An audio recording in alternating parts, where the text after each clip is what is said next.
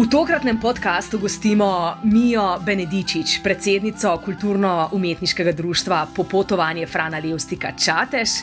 Mija, dobrodošli, hvala, ker ste se odzvali našemu vabilu. Pozdravljena. V našem podkastu vas gostimo zato, ker je bil vaš projekt eh, Čateški škrebelni in prgišče sonca eden tistih, ki je s svojimi multiplikativnimi učinki eh, bolj odmeval v lokalnem okolju in tudi širše. Pa dajmo za začetek, za tiste, ki niso dolenci in mogoče ne vedo, dajmo povedati, kaj sploh so škrebelni. Uh, škrebel je čateški izraz, mogoče tudi širše dolenski, za suho sadje. Uh mhm. -huh. Jaz mislim, da je to širše dolenski izraz, ker sem tudi dolenka in vem, da smo tudi mi doma vse čas s tem suhim krhlem govorili škrebelni. Tako je. Uh, Pri nas je pa z tem lasovim projektom če dalje bolj uh, uporablja ta izraz. Starejše spominja na težke čase, ko so zimske dni morali preživeti tudi s tem suhim sadjem, in je to spomin na neke teže čase, mladini in mlajšim narodovom, ki veliko poudarka dajo tudi na zdravo prehrano. Pa, um, Je zagotovo to tudi eden izmed elementov zdravega prehranjevanja.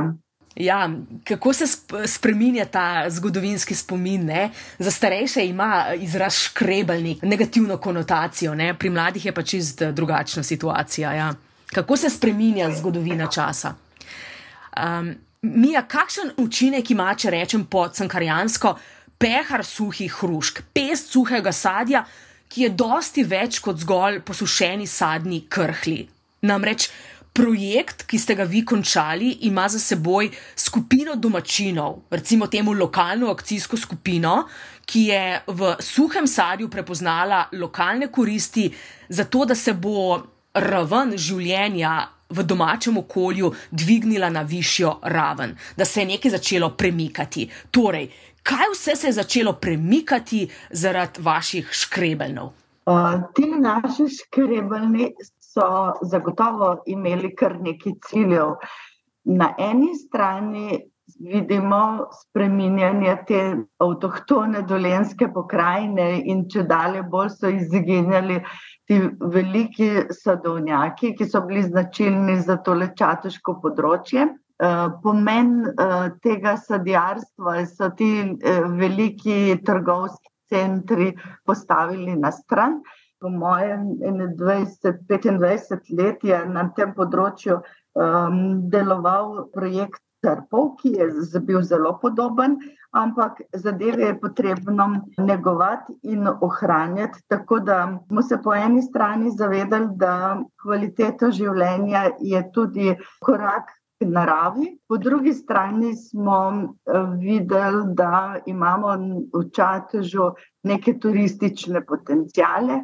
To pomeni, da zaplas obišče ogromno romarjev in tudi ti, ki ne pridejo samo z avtobusom, tudi sami ali v manjših skupinah so povpraševali, kaj naj bi počeli še tiste dve urci do kosila. Tako da smo po tej strani tudi videli nekatere cilje, ki bi bilo treba zasledovati. Potem pred drugo svetovno vojno so pri nas delovale najmanj tri sadne sušilnice na tem področju in samo ena v središču razbor je bila v takem stanju, da se jo je dalo tik pred totalnim propadom iztrgati z obočasa in uh, jo obnoviti.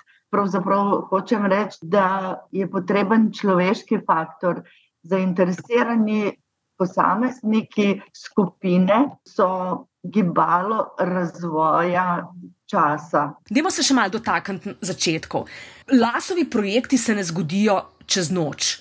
Pa me zanima, kako je potekalo sodelovanje v tem lasovem projektu, kakšen izziv je bilo to za lokalno skupnost, ker takšen projekt potrebuje odločnega vodjo in to ste bili v tem primeru vi, Mija, kajti brez enega stebra, ki trmasto goni in žene naprej, pač ne gre. Res je vedno vsaka skupina rabi vodjo. Jaz sem si vedno želela, oziroma sem prepričana, da čatež, da bi ostali mladi ljudje tukaj, pa da bi tudi turizem lahko dejal motiv. In hvala Bogu je lokalna skupnost stanovila las. Stik, za katerega uh, smo takoj se navdušili in uh, videli priložnost, da v kraj pripeljemo na eni strani nekaj sredstev, kajti naš čatež je predale bolj prepoznaven tudi po res tradicionalnem pohodu po Levstikovi poti in zaključno prireditvijo razhodnjo. Okay, če vas prvo razumem, glede na to, da lasovi projekti potekajo po načelu od spodaj na vzgor. Po kakšnem ključu ste torej uh, lastiku, instituciji, ki pač bdi nad realizacijo projektov, predlagali projekt Čateški škrebelni, ki ste ga izvedli preko evropskih sredstev? V bistvu ste zasledovali potrebe turizma, ne? kako bi nadgradili že obstoječo turistično ponudbo, ki je že prisotna v vašem kraju ne? in s tem tudi ohranili mogoče uh, izginjajočo kulturno dediščino. Zavedali smo se pomena ohranjene kulturne dediščine, ki je zagotovo eden izmed elementov turizma. Imamo pa zagotovo kup potreb, da bi te zadeve nadgradili, ohranjati oziroma oživljati sadovnjake, je potrebno naučiti, ponovno naučiti ljudi mlajše generacije sadjarstva. Tega v zadnjih 20 letih zagotovo ni bilo. Zato smo v projekt vključili seminarje z področja sadjarstva, vzgoje, sadnega drevja, predelave, pa ne samo škrebelne, tudi druge produkte. Eh, tudi zelišča so zagotovo na našem področju eh, zanimiva zadeva, ker je narava še vedno zdrava, se jih da nabirati v naravi in sadna sušilnica. Poleti, ko uh, sadja še ni, lahko suši tudi uh, zelišča. To smo tudi v samem projektu skušali ugraditi v sam projekt, tako da smo imeli tudi delavnice z področja zeliščarstva.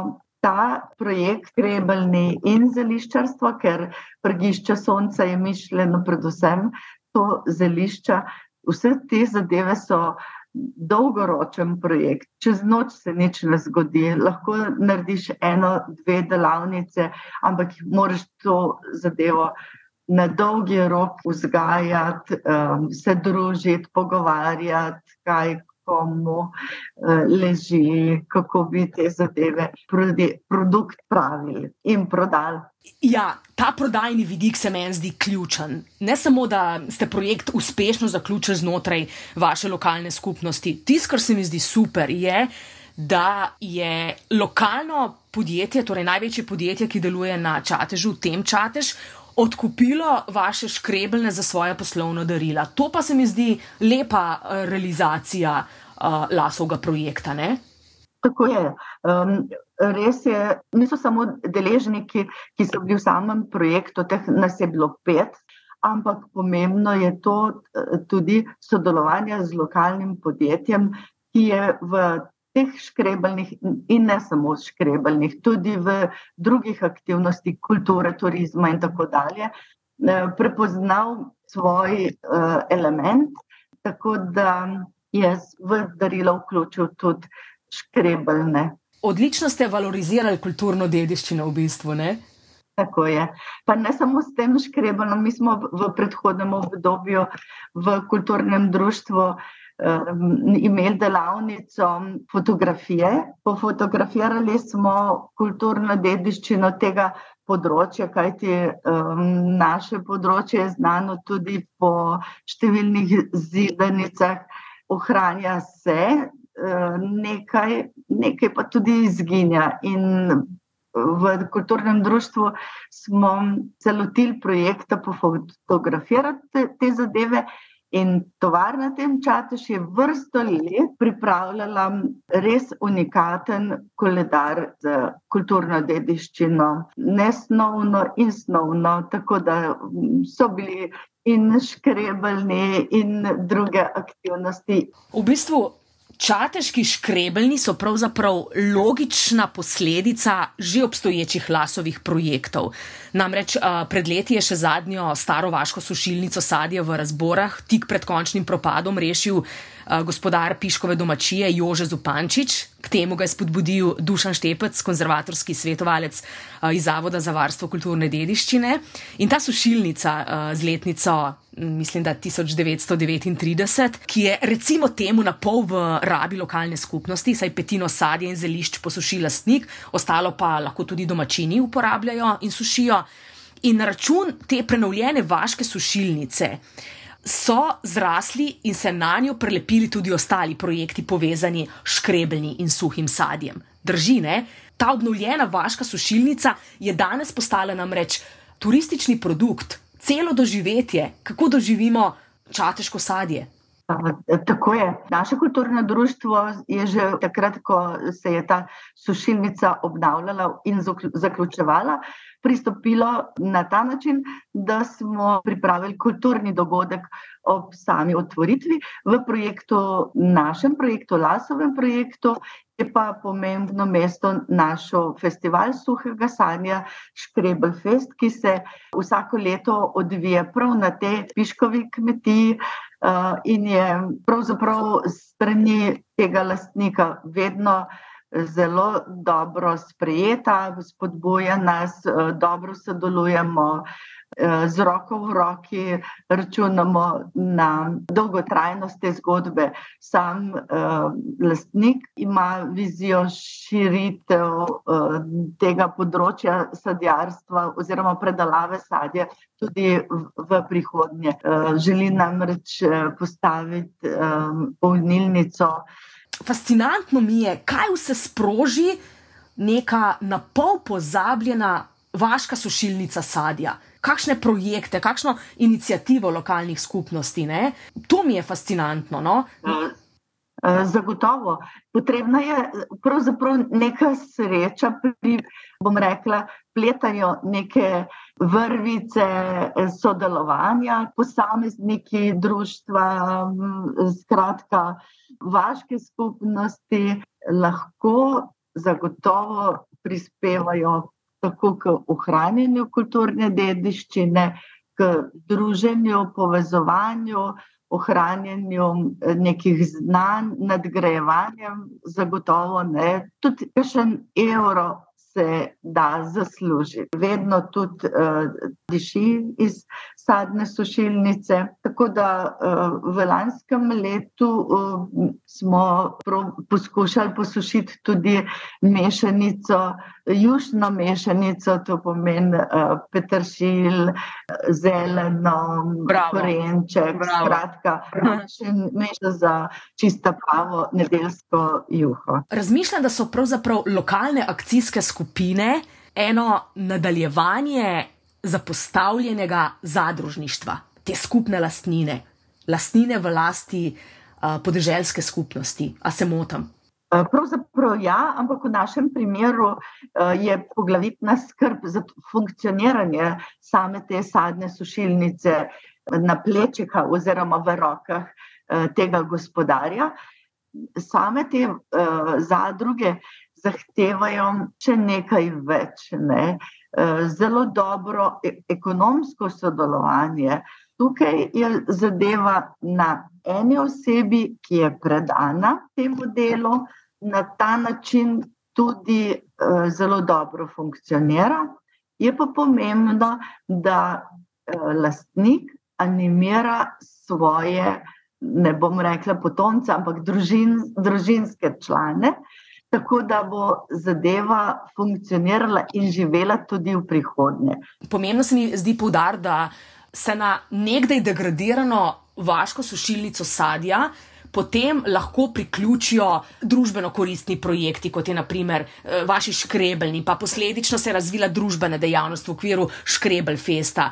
Skratka, en, en človek je v bistvu kot um, ta metuljev efekt, ne, sprožil tudi ostale dejavnosti v lokalnem okolju. Točno tako, točno tako, ker je teh deležnikov več, imam vsak eno svojo vizijo, pogled na zadeve, in pri samem sodelovanju se zagotovo razpletajo še novi cilji. In v tem primeru pride zelo prav vsak razpis na področju lasa. No, pa tudi drugi evropski projekti bi bilo potrebno iskati za boljši jutri tega podeželja, oziroma ohranjanja podeželja in ne množičnega turizma, ampak unikatnega, doživljajskega in zelenega. Uh mhm. Vaši škrebljni so prispevali tudi k postopnemu razvoju kulturnih, prostočasnih in drugih dejavnosti, ki so bile sicer že prej žive na čatežu, to je treba povdariti. So pa škrebljni prispevali tudi k večji socialni vključenosti lokalnega prebivalstva. Mogoče so k temu projektu pristopili tudi tisti, ki so sicer manj vključeni v ostale kulturne dejavnosti v vašem kraju. Res je. Um, te zadeve so vključile tudi različne generacije, no, starejše, tiste, ki želijo več eh, na področju zdravja si mhm. postoriti. Je res eh, las projektu vključil tudi skupine, ki do sedaj niso bile tako vključene. Kam se bo projekt nadaljeval? A že imate načrte, kaj boste prijavili v prihodnji schemi lasovih projektov? Uh, idej je vedno veliko. Imamo sicer že izdelano, pravzaprav eno izmed želja, no, je zagotovo uh, razvoj malo drugačnega turizma. Uh, predvsem se pa večina zadev res smerja v razvoj. Pohodništva, imamo eh, zaplaške stezice, ki že zdaj živijo, verjetno bi bilo treba to področje nadgraditi. Imamo nasprot gasilskega doma staro gostilno, se že tudi, bom rekla, skoraj podira. Tudi tukaj vidimo nove vsebine, me je strah, da je še dolga pot. Se morate tudi vključiti v novo nastalo uh, turistično destinacijo Suha krajina, ki je prav tako nastala kot uh, del lasovega projekta. Mogoče se za konec dotakneva še oskih grl lokalnega okolja. A se je tudi kaj negativnega pokazalo znotraj izvajanja teh lasovih projektov? Eno izmed oskih grl je zagotovo formalnost tega projekta. Kup papirjev zahteva in znanja in časa, energije, skozi pripravo projekta in kasneje eh, samo realizacijo, je potrebno zasledovati resnično ogromno elementov. Za vsak korak je potreben en papir, res veliko eh, administriranja. To pomeni, da je potrebno na eni strani vključevati ljudi, ki so sposobni te papirje voditi, po drugi strani pa tudi zdravo kmečko pamet ljudi, ki vidijo, kje so potencijali. Pa peljati jih na dolgi rok. Lasovi projekti um, zahtevajo trajnost, to je zagotovo eden izmed elementov, ampak to trajnost je treba ponotraniti. Ne samo, da jo zasleduješ, pušaš odklukati zadevo ki jo zahteva sam razpis, ampak jo moraš živeti. Te zadeve treba kar naprej med ljudmi se pogovarjati, dogovarjati, postavljati cilje. Povezovati in tako dalje. Mija Benedičič, kaj se zgodi, ko evropski projekti srečajo ljudi podeželja? Kako drugačen obraz dobiva podeželje s takšnimi sredstvi? Lasovi projekti so za naše podeželje, krajino ljudi, zagotovo zelo dobrodošli. A veste, nekoč je bilo um, vaško življenje, srečevanje sredi vasi, če so bile lipe, pri ličkanju, mlatenju. Skratka, kup del se je opravljalo na ta način, da so se ljudje družili. Danes je ekonomija kmetovanja drugačna način življenja drugačen. Večina ljudi je zaposlenih in popovdne ima še kup svojih aktivnosti, in nekaj jih mora zdramiti, da začnejo, začnemo razmišljati, tako bom rekla, začnemo razmišljati, kako bi se srečevali, kako bi se ne pozabili naše preteklosti oziroma prejšnjih časov. Verjamem, da ne moremo živeti tako, kot se je živelo nekoč, ampak delček časa pa prav gotovo lahko posvetimo tudi zgodovini in vpletemo v naš vsakdanjik. Sej iz tega vidika so lasovi projekti odličen način novodobnega druženja, ne? tudi skozi realizacijo evropskih projektov, pa naj se še tako nenavadno sliši. Ne? Tako, tako. V tokratnem podkastu smo gostili Mijo Benedičič, predsednico kulturno-umetniškega društva Popotovanje Frana Levstika Čateš. Mija, hvala lepa za tale pogovor srečno in uspešno tudi naprej, pa dober veter v jadra lokalni energiji pošiljam na čatež. Hvala lepa. Tudi mi si tega vetra in pozitivne energije močno želimo. Upam, da zastrupimo s to uh, pozitivno energijo čim več naših krajanov, pa tudi uh, iz širšega okolja.